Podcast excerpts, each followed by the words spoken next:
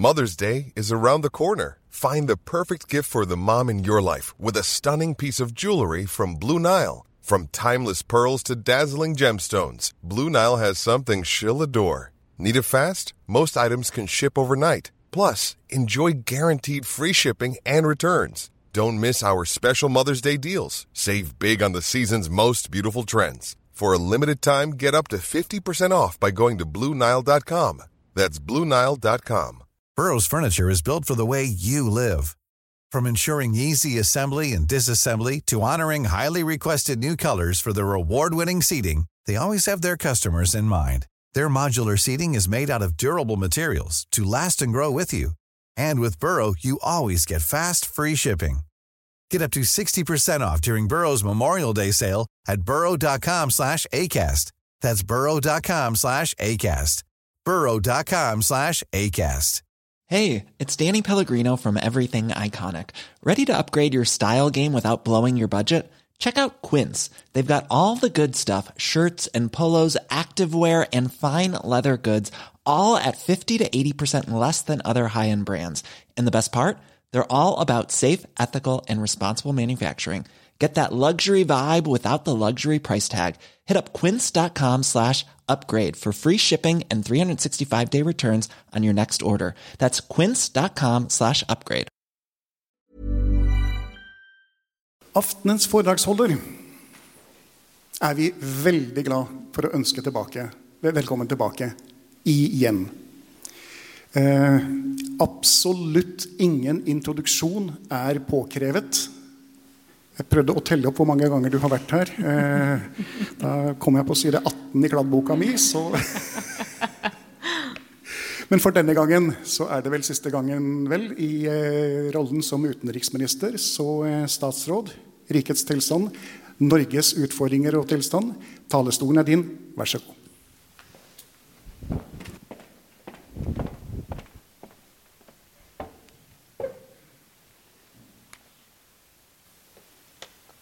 Deres Majestet, kjære alle sammen.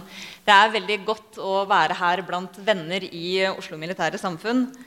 Det er alltid en glede å få tale fra en av landets viktigste talerstoler. Og det er selvfølgelig en spesiell ære å ha Hans Majestet her. Et av de største privilegiene jeg har hatt som utenriksminister, er de ukentlige audiensene hos kongen. Og Deres Majestet, se på dette som en slags plenumsaudiens. Jeg har eh, ofte vært her og snakka om eh, framtidsperspektiver i utenriks-, forsvars- og sikkerhetspolitikken. Men i dag tenkte jeg vi kunne koste på oss også å kikke litt i bakspeilet, fordi det har vært åtte veldig begivenhetsrike år.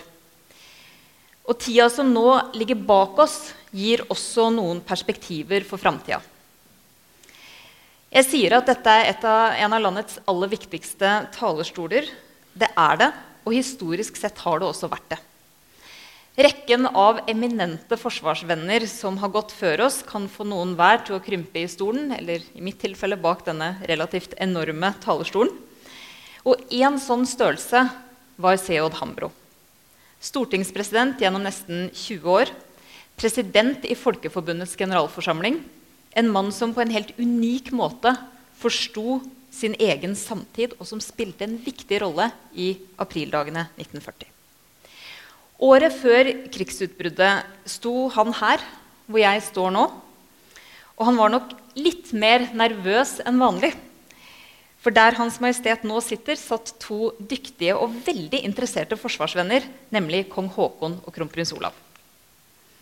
Hva Hambro talte om akkurat den kvelden, vet jeg ikke. Men det er ikke usannsynlig at han snakka om småstatenes kår i en verden hvor det blåste opp til konflikt mellom stormaktene.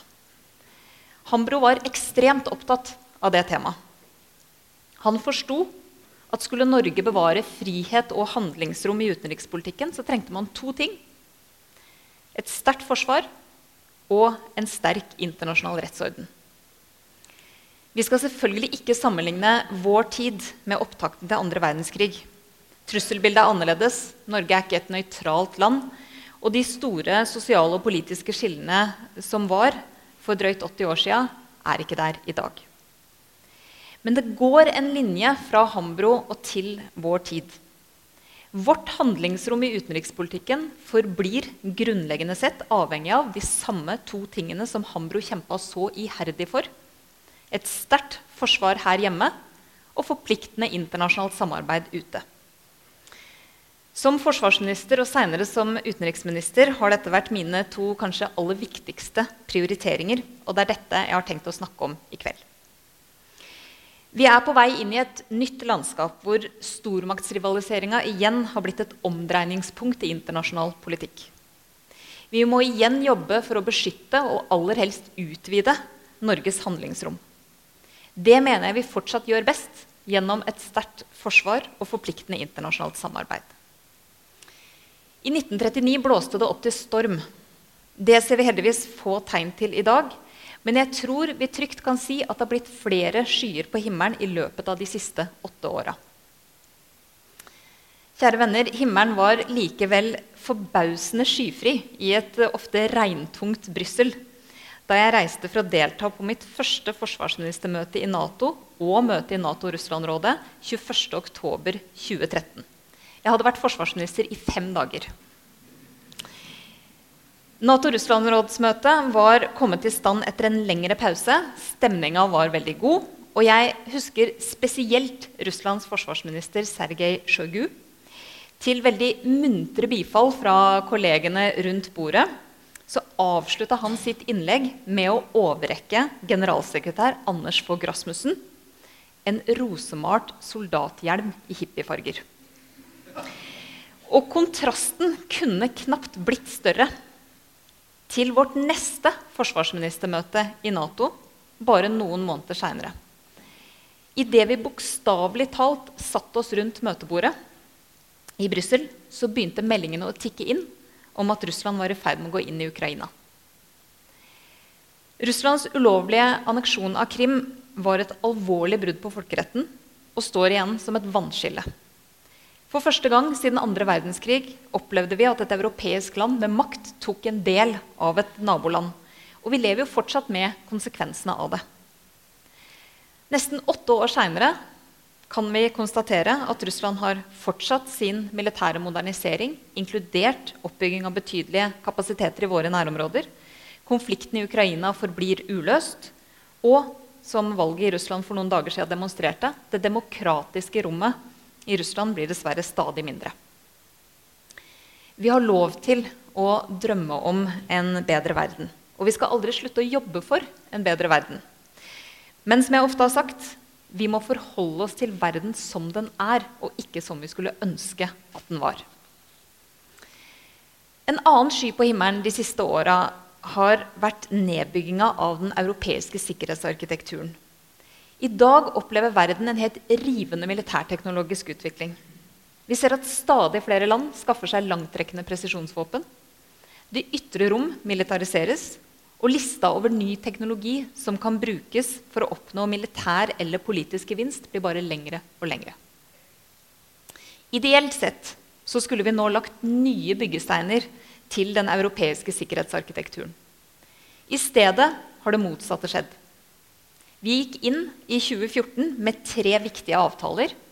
INF-avtalen om kryssemissiler, New Start-avtalen om strategiske kjernevåpen og Open Skies-avtalen om militære overflygninger. Åtte år seinere er det egentlig bare New Start som står igjen i sin fulle form. INF-avtalen er borte, og USA og Russland har begge trukket seg fra Open Skies.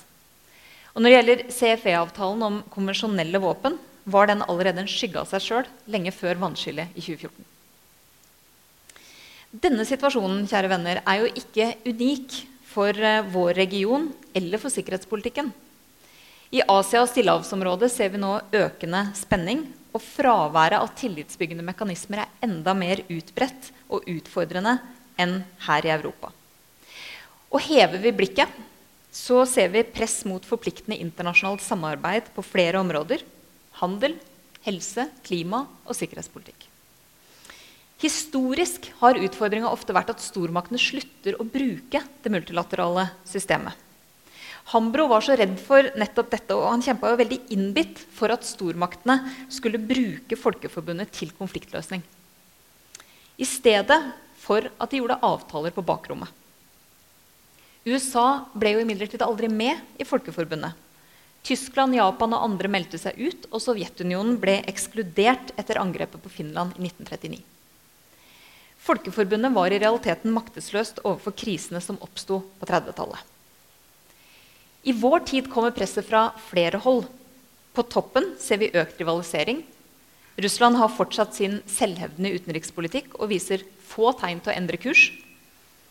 Landet har evne og vilje til å projisere både militær og politisk makt både i og utafor egne nærområder. Og den evnen benytter de. FNs sikkerhetsråd kan fortsatt utrette mye. Men vi må nok innse at tida da USA, Russland og Kina samla seg om offensive kapittel 7-vedtak, i beste fall er satt på en lang pause. Mellom Kina og USA har det vokst fram en dypere og mer langvarig strategisk rivalisering. Vi kunne jo se noen kimer til det allerede på slutten av Obamas periode. Siden den gangen har rivaliseringa slått ut i full blomst. Kina vokser fram som en stormakt som kan by USA på jevnbyrdig, eller i hvert fall nær jevnbyrdig konkurranse. Økonomisk, teknologisk og på sikt kanskje også militært. Og vi ser et USA som demmer opp både hjemme, ute, på multilaterale arenaer og i samarbeid med partnere. Det kommer til å prege internasjonalt samarbeid i mange år framover. Jeg har sagt det før at det er ikke unaturlig at et land av Kinas størrelse bygger ut sitt forsvar og søker innflytelse i tråd med sin tyngde i verden. Det har stormakter ofte gjort. Men det som uroer mange, er at Kina ikke har blitt fritt og demokratisk på sin ferd mot økt velstand. Utviklinga har snarere gått i feil retning. Og mens dette tidligere var geografisk begrensa, eh, en geografisk begrensa utfordring, så ser vi jo i dag et Kina som i stadig større grad enn før ønsker å prege verden rundt seg ut fra sine egne prioriteringer og verdier. Den amerikanske engasjementslinja, altså troen på at Kina gjennom utvikling og samkvem med andre skulle bevege seg mer i demokratisk retning, er i dag fra amerikansk side død. Den dominerte helt amerikansk kinatenkning i et halvt århundre fra Nixons berømte reise til Beijing i 1972. Nå er den erstatta av en eh, tverrpolitisk enighet om at USA må demme opp for Kina for å hegne om egne interesser og en fortsatt liberal verdensorden. Enkelte sider ved denne oppdemminga fører til krevende diskusjoner med Europa om hvordan Kina-politikken bør innrettes. Samtidig ser vi at USA og Europa på helt sentrale områder har nærma seg hverandre i synet på Kina. Men internasjonalt samarbeid fortæres også nedenfra. Hambro sa en gang noe sånt som at småstater bærer et særlig ansvar for internasjonalt forpliktende samarbeid. I flere land, også i den vestlige verden, har likevel tanken om det motsatte fått vind i seilene. Nasjonalisme, populisme, isolasjonisme har bredt om seg. For noen er også agg mot internasjonalt samarbeid blitt et middel for å skaffe seg innflytelse i innenrikspolitikken. Vi kan håpe at dette endrer seg, men kjære venner, hva om disse stemningsbølgene er dypere fenomener? Mer som langtidsvirkningene av finanskrisen eller, eh, for et tiår siden, eller migrasjonskrisa i 2015? Om det er tilfellet, så gir pandemien i og for seg liten grunn til optimisme for åra som kommer. Og jeg beklager Deres Majestet, men jeg har jo i utgangspunktet lovt at jeg skal ha én positiv nyhet hver uke. Jeg kommer til det litt seinere i foredraget. Regjeringen har navigert gjennom dette landskapet med omfattende tiltak både hjemme og ute. Forsvar har vært veldig høyt prioritert, og jeg er stolt over det vi har fått til. Det betyr ikke at vi er ferdig, men vi har kommet et godt stykke på vei. Korrigert for prisstigning var forsvarsbudsjettet i 2020 løfta med over 16 milliarder kroner sammenligna med 2013. 16 milliarder kroner er mye penger. Og det var ikke mange som trodde at det kom til å være mulig for åtte år siden. I fjor passerte vi 2% av BNP til forsvarsutgifter, også litt hjelpa av pandemien. Og over 30% gikk til investeringer. Store vedlikeholdsetterslep er henta inn. Trening og øvelser har økt i omfang, og vi har anskaffa nye kapasiteter som gjør Forsvaret vesentlig bedre rusta for framtida. Som nye kampfly, ubåter og maritime overvåkningsfly. Kampflyene er nå under innfasing. 31 er mottatt, 21 er i Norge. Og de første P8-flyene kommer veldig snart. Et sånt arbeid blir aldri ferdig. Og vi kan alltid bli bedre og gjøre mer. Og trusselbildet er også i endring. Og det betinger at man også evner å endre seg. Men mye er altså gjort. Og med den forrige og den nåværende langtidsplanen har vi lagt grunnlaget for et forsvar som også i åra framover vil ha store ressurser til disposisjon. Men la meg likevel legge inn en liten advarsel. Da jeg holdt mitt første av åpenbart 18 foredrag eh, her, som nyutnevnt leder av utenriks- og forsvarskomiteen, sa jeg som følger. Oppsummert kan man si at Forsvarets hovedproblem fortsatt er den betydelige ubalansen mellom de oppgaver vi politikere har pålagt Forsvaret, den strukturen Forsvaret har hatt, og de ressurser vi har stilt til rådighet. Ubalansen har løpende blitt forsterka av den spesifikke årlige kostnadsveksten i sektoren, på, eh, og at Stortinget, basert på budsjettforslagene fra ulike regjeringer, heller ikke bevilga de midlene det var forutsatt i planene. Kortversjonen er derfor at Stortinget over mange år ikke har vist seg villig til å betale for det man har bestilt, ikke engang det man har fått levert av Forsvaret. Så Da jeg tok over som forsvarsminister i oktober 2013, ble derfor min hovedprioritering å begynne på den enorme snuoperasjonen som var nødvendig, og som kommer til å pågå i mange år til. Etter eh, mange år med nedgang i eh, forsvarsbudsjettene eller mangel på vekst. Det hadde skjedd gjennom vekslende regjeringer, som jeg også har sagt på denne talerstol mange ganger. Så vi valgte å bygge opp Forsvaret fra grunnmuren. Ikke de populære og synlige tingene, men de kjedelige og viktige tingene. Ting som eh, det å, få, det å få det vi har, til å fungere. Redusere klartider, øve og trene mer, skaffe reservedeler og ammunisjon. Og deretter gjøre nye, store investeringer i materiell til Hæren, nye ubåter og maritime overvåkningsfly, samtidig som betalingene for F-35 da slo inn. Og vi måtte ta tøffe valg. I langtidsplanen Kampkraft og bærekraft måtte vi bygge forsvarsøkonomien stein på stein. Vi måtte skape den nødvendige balansen mellom struktur, oppgaver og økonomi. At vi for første gang fikk lagt inn den forsvarsspesifikke kostnadsveksten, og at den ble konsekvensjustert årlig, kunne vel for uinnvidde utafor denne salen, og da, ser jeg spesielt på Nils og Harald, eh, virke relativt lite spektakulært. Men det var et helt sentralt grep.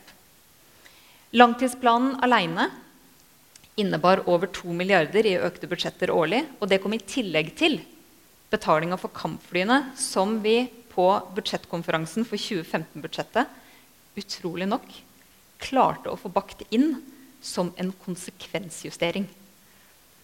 Det er nesten utrolig, for det var mange milliarder hvert år. Men vi var skjønt enige om at jeg kunne ikke sitte på budsjettkonferansene hvert år, og det eneste jeg kunne kjempe for, var penger til å betale kampflyregningene. Så da ble det konsekvensjustert inn. Eh, mirakuløst nok. Advarselen min ligger i følgende observasjon. Det er en reell fare for at vi igjen kan bevege oss i retning av fornya ubalanse om ikke evnen til å prioritere og finansiere følges opp. Hvis hensynet til hva som gir forsvarsevne og økonomisk bærekraft, må vike for andre hensyn, så kommer vi fort tilbake der vi var. Ute har vi jobba iherdig for å bevare og styrke den verdensorden som er bygd opp siden andre verdenskrig. Både i Nato, FN og WTO, i samarbeid med allierte og også ved å strekke ut en hånd til nye partnere. Stortingsmeldinga om multilateralt samarbeid som jeg la fram i 2019, varsla på en måte et skifte i pragmatisk retning. Analysene ett år etter at stortingsmeldinga ble vedtatt, er at den kan ha bidratt til å utvide handlingsrommet vårt.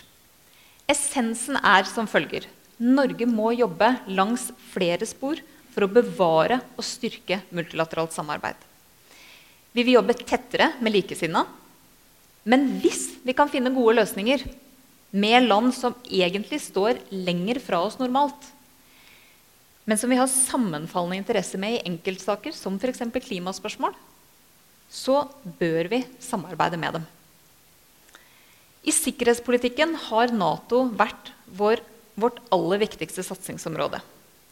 I krise eller krig er Norge, som alle Nato-land, helt avhengig av allierte forsterkninger.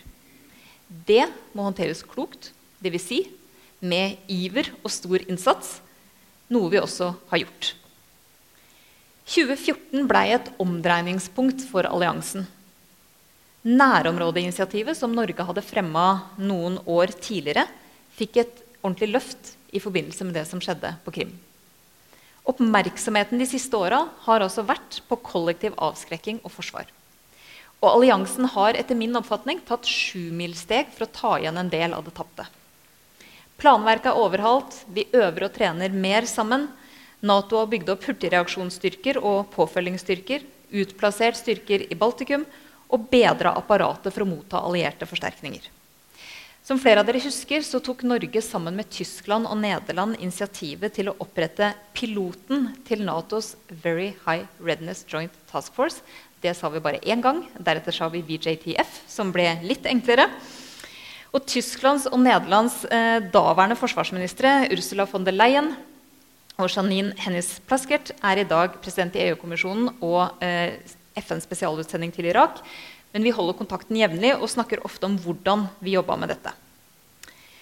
Arbeidet i Nato er selvfølgelig ikke fullført, men vi er et helt annet sted i dag enn for åtte år siden.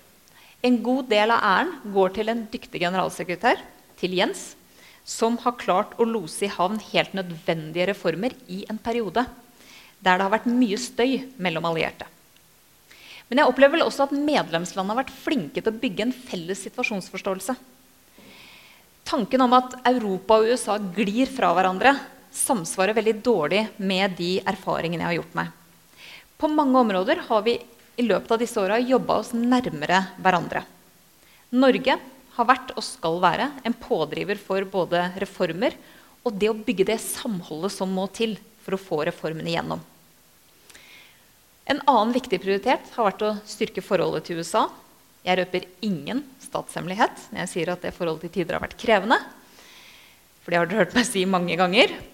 Men tidlig i Trump-perioden bestemte vi oss for å fokusere på et knippe viktige saker for Norge. Handel, klima og forsvars- og sikkerhetspolitikk. Det ga et godt arbeidsklima der vi til tross for all støyen fikk til mye sammen, ikke minst i forsvars- og sikkerhetspolitikken der samarbeidet ble fordypa.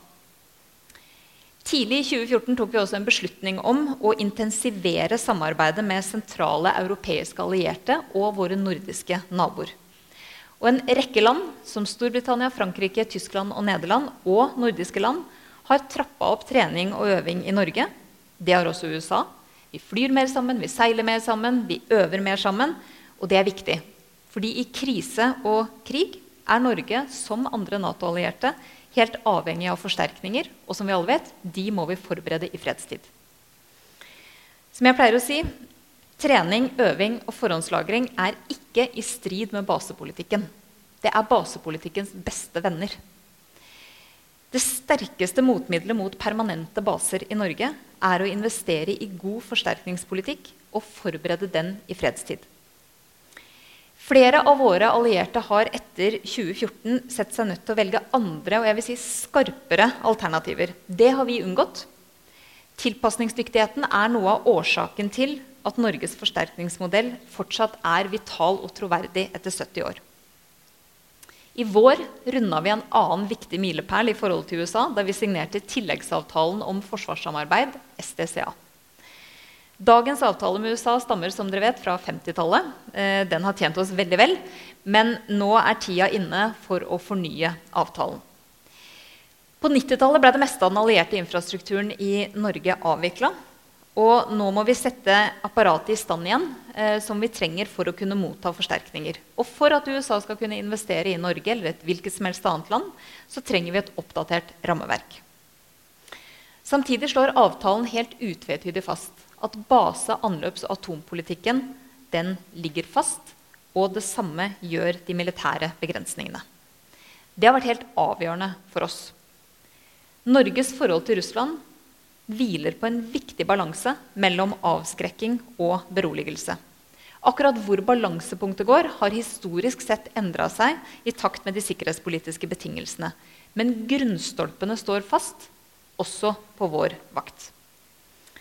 Så er det ingen tvil om at interessen for oppmerksomheten om Arktis øker. Både hos arktiske og ikke-arktiske land, eller gjerne de som kaller seg near Arctic states, som er relativt langt unna geografisk. Det skyldes selvfølgelig både klimaendringer, men det skyldes også geopolitisk spenning. Vi ser mer aktivitet både på russisk og alliert side. Og for regjeringa har det vært utrolig viktig at Norge påvirker betingelsene for alliert aktivitet i nærområdene. Vi er selvfølgelig veldig glad for interessen andre land viser oss.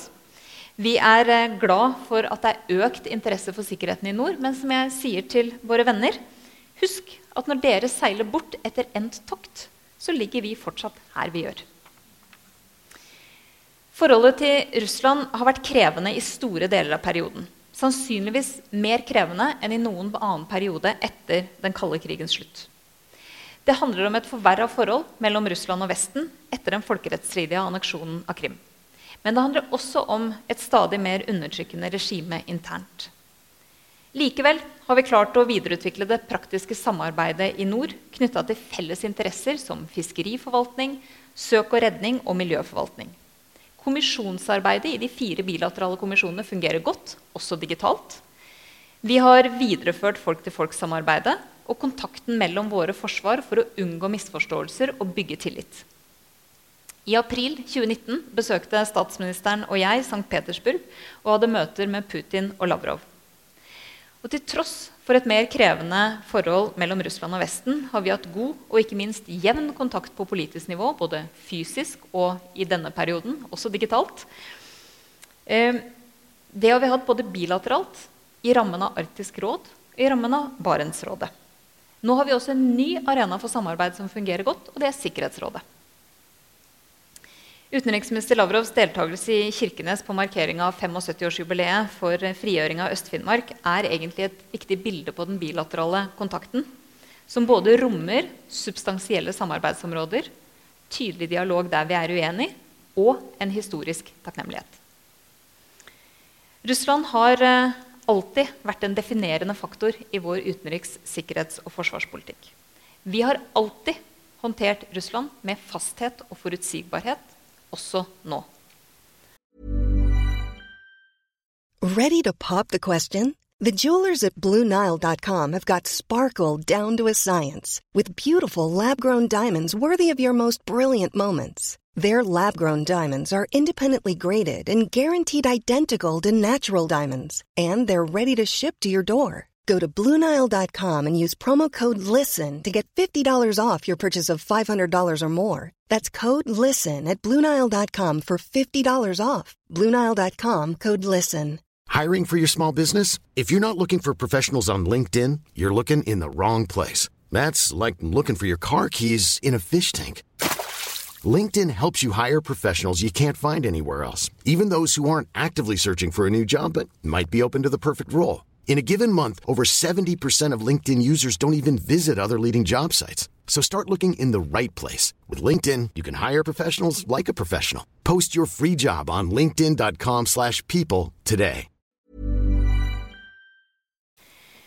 Noen mener det er et utslag av overdreven eh, idealisme eller utenrikspolitisk moralisme at eh, vi reagerte som vi gjorde i 2014, og at vi ikke kort tid etter anneksjonen av Krim gikk tilbake til business as usual. For Norge var ikke det et alternativ. Som et lite land med en stor nabo å la være å stå opp for folkeretten. Enkelte syns å glemme at Europa prøvde nettopp det etter Georgiakrigen. Utfallet kjenner vi. Vi fikk avspenning, men den leda ikke til fred. Den var bl.a. medvirkende til Krim. Kjære venner, vi må aldri undervurdere hvor grunnleggende folkeretten er for små og mellomstore stater. Tenk bare hvor avhengig vi er av havretten, og at den overholdes i nord og i forholdet til våre naboland. Folkeretten er vårt førstelinjeforsvar. Lar vi den forvitre, vil nye problemer møte oss lenger ned i løypa. Avspenning er bra, men som Hambro en gang sa det, Avspenning kan også være tiden det tar en stormakt å sluke en småstat. Og uten en endring fra russisk side i form av leveranse på Minsk-avtalen er det vanskelig å komme tilbake til der vi var før 2014. I mellomtida så må vi gjøre det beste ut av den hånda vi har fått utdelt. Dette er ikke idealisme, det er nøktern realisme. Så hva nå? Hvordan skal vi hegne om Norges handlefrihet når det neste kapittelet av vår utenrikspolitiske historie skal skrives? Jeg har lyst til å besvare det spørsmålet med å ta dere tilbake til 1905, året da den norske utenrikstjenesten ble grunnlagt. Franskmennene har kalt denne tida i europeisk historie for la belle époque. Verden hadde lagt bak seg en lengre periode med stabilitet og vekst. Men nå viste egentlig konferansediplomatiet, som hadde sikra tiår med stabilitet, tegn til slitasje. Det brygga på ny opp til rivalisering mellom stormaktene. Og I møte med dette værskiftet valgte Norge nøytralitet. Det ble sett på som det aller tryggeste valget. Og spørsmålene fra datidens debatt forteller oss mye om sinnelaget som var i den perioden. Trenger vi egentlig et diplomati og en utenrikspolitikk? Inviterer ikke det egentlig bare til stormaktspress? Vil ikke et konsulatvesen og handel alene være best for et lite land med åpen økonomi?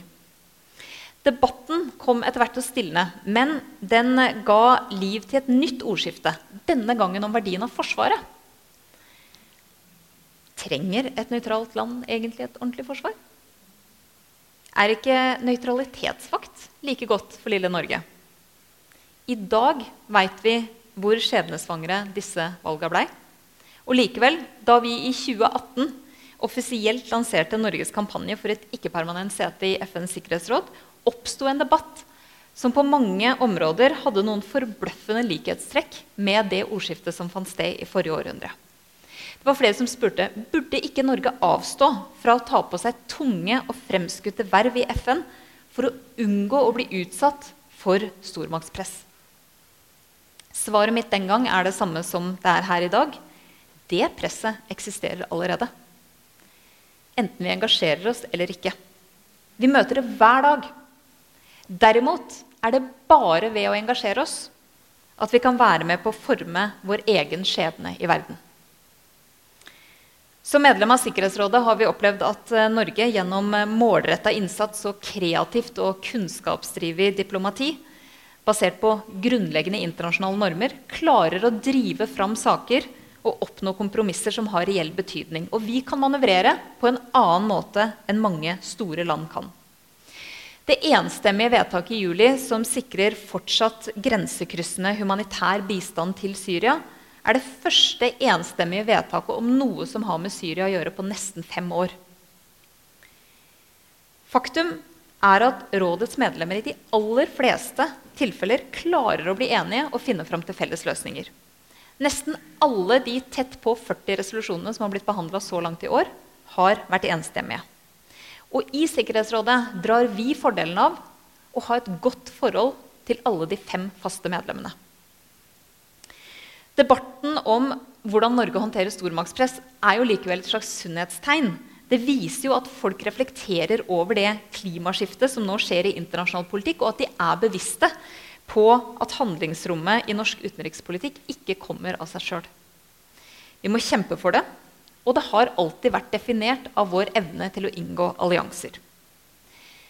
FN og folkeretten er og forblir viktig for Norges handlingsrom. Og jeg vil peke på ytterligere tre stolper som jeg mener vil være veldig viktige for å navigere trygt gjennom landskapet som nå ligger foran oss.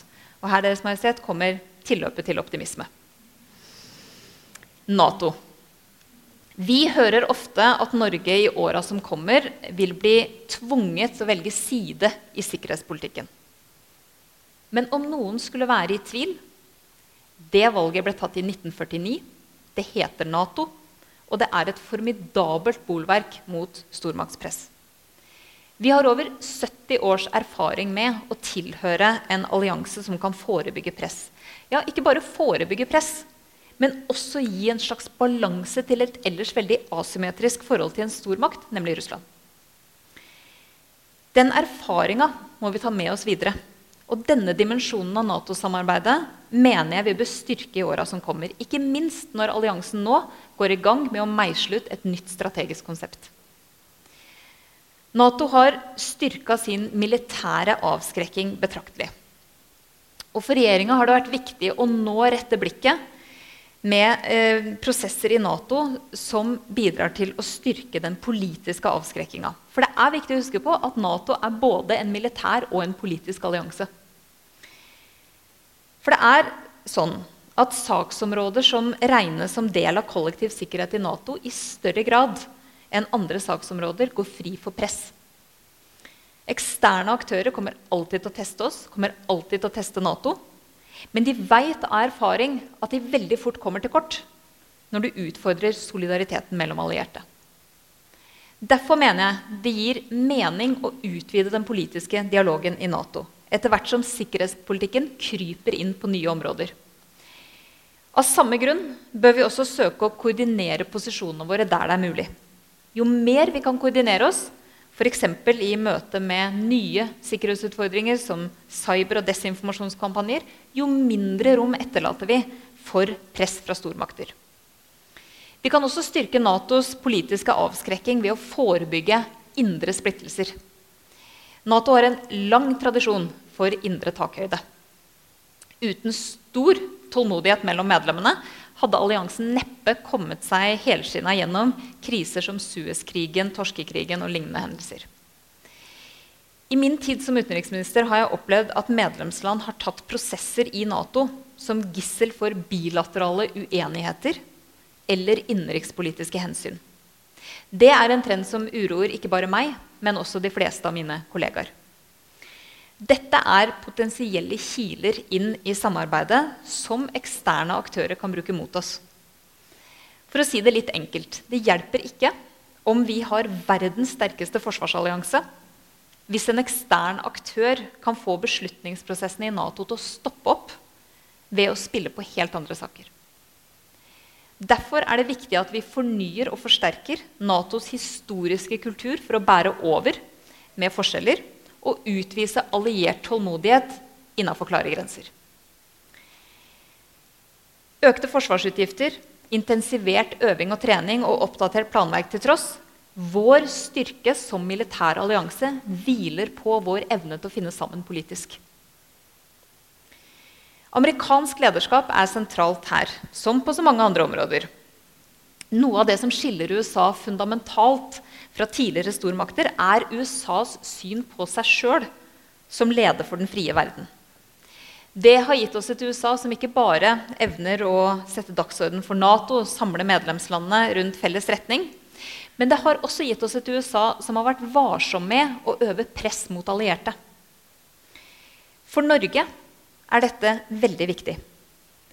Det har bl.a. medført at vi har hatt stort handlingsrom i sjøl å definere balansen mellom avskrekking og beroligelse i forholdet vårt til Russland.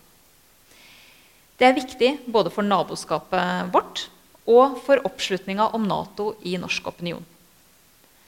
Vår rolle som tilrettelegger for fredsprosesser ville sannsynligvis heller ikke ha vært mulig i dagens omfang uten en alliansekultur med toleranse for mangfold. Den andre stolpen jeg vil trekke fram, er behovet for å løfte samarbeidet med EU ytterligere. I praksis handler jo dette om hvordan vi håndterer en rekke nye problemstillinger i krysningspunktet mellom forsvar, teknologi og handel. Under den kalde krigen var militær sektor teknologidrivende og ledende. Ny innovasjon skjedde stort sett alltid på militær side. Og så tok det etter hvert skrittet inn i våre dagligliv. GPS, Internett, avanserte materialer, Digital teknologi er alle veldig gode eksempler. I vår tid er forholdet snudd på hodet.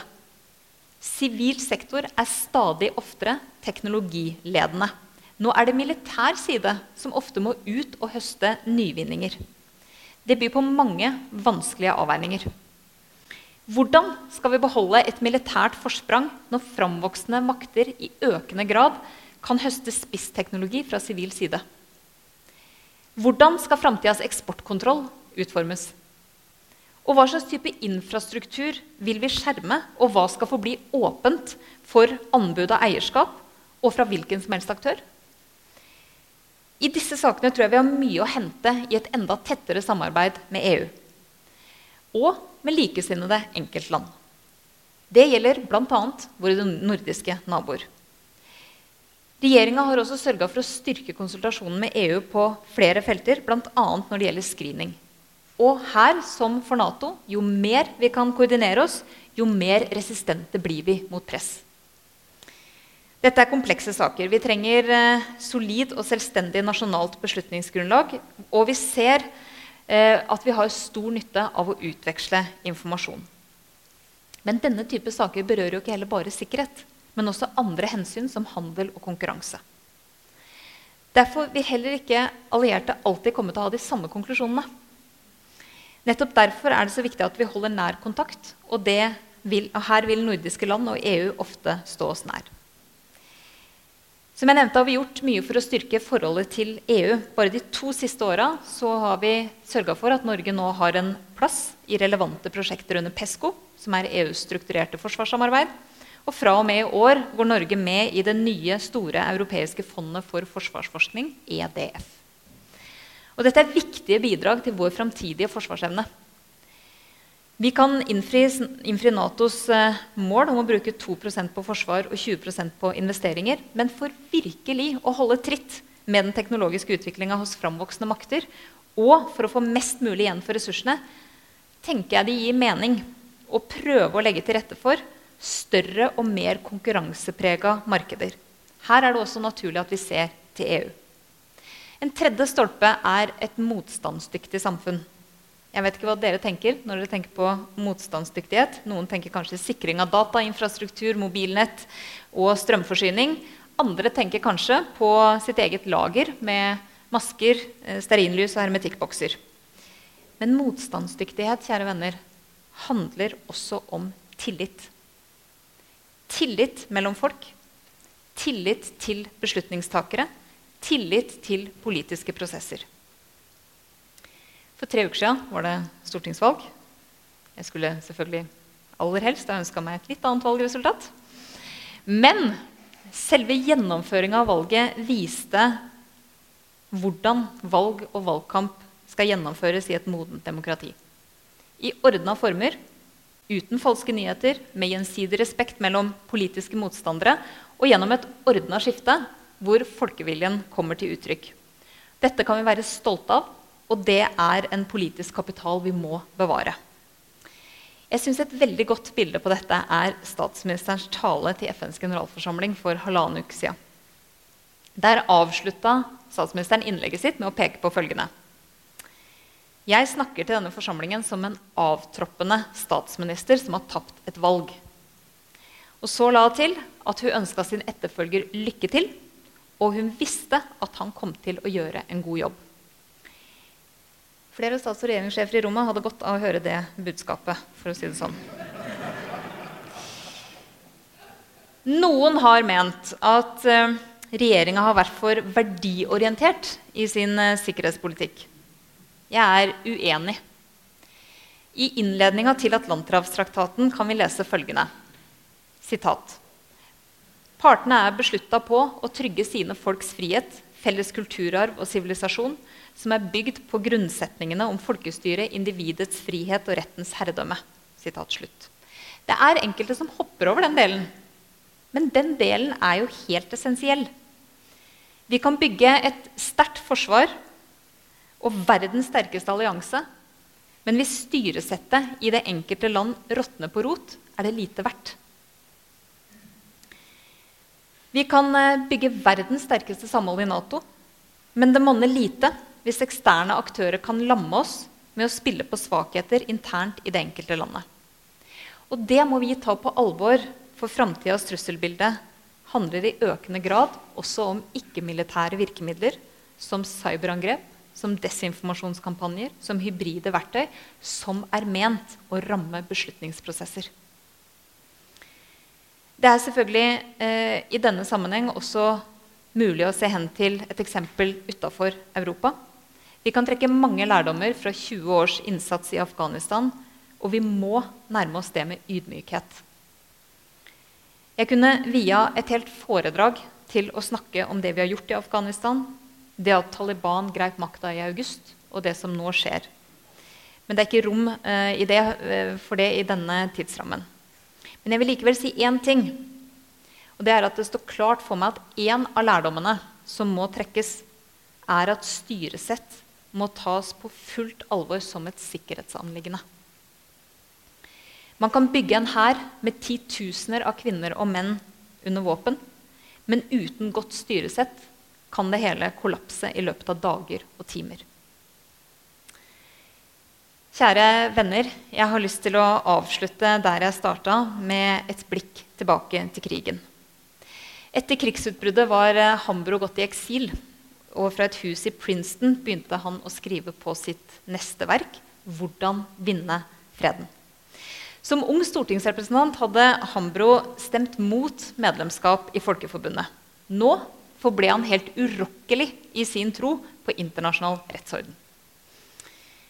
Men han så også at den nye verdensorganisasjonen som vokste fram, FN, måtte bygges annerledes. Kina måtte sikres en plass blant de store.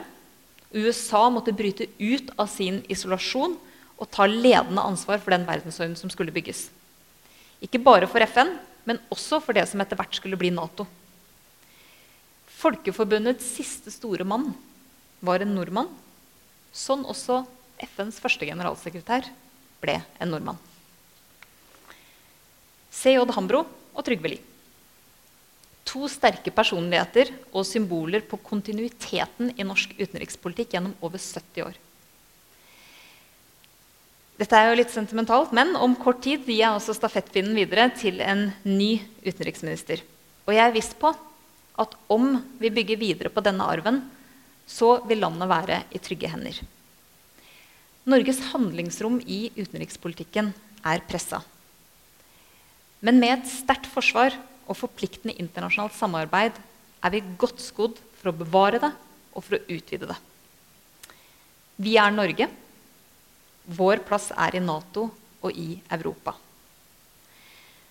Takk for at dere utallige ganger har eh, gitt meg denne talerstolen, enten jeg har hatt rollen som leder av utenriks- og forsvarskomiteen, som forsvarsminister eller nå som utenriksminister. Jeg husker fortsatt første gang 8. mars 2010. Jeg var helt ny komitéleder. Og jeg holdt på å besvime da direksjonen ringte samme dag bare for å si at kongen også skulle være til stede. Deres Majestet, kjære forsvarsvenner. Tusen takk for oppmerksomheten, og tusen takk for meg.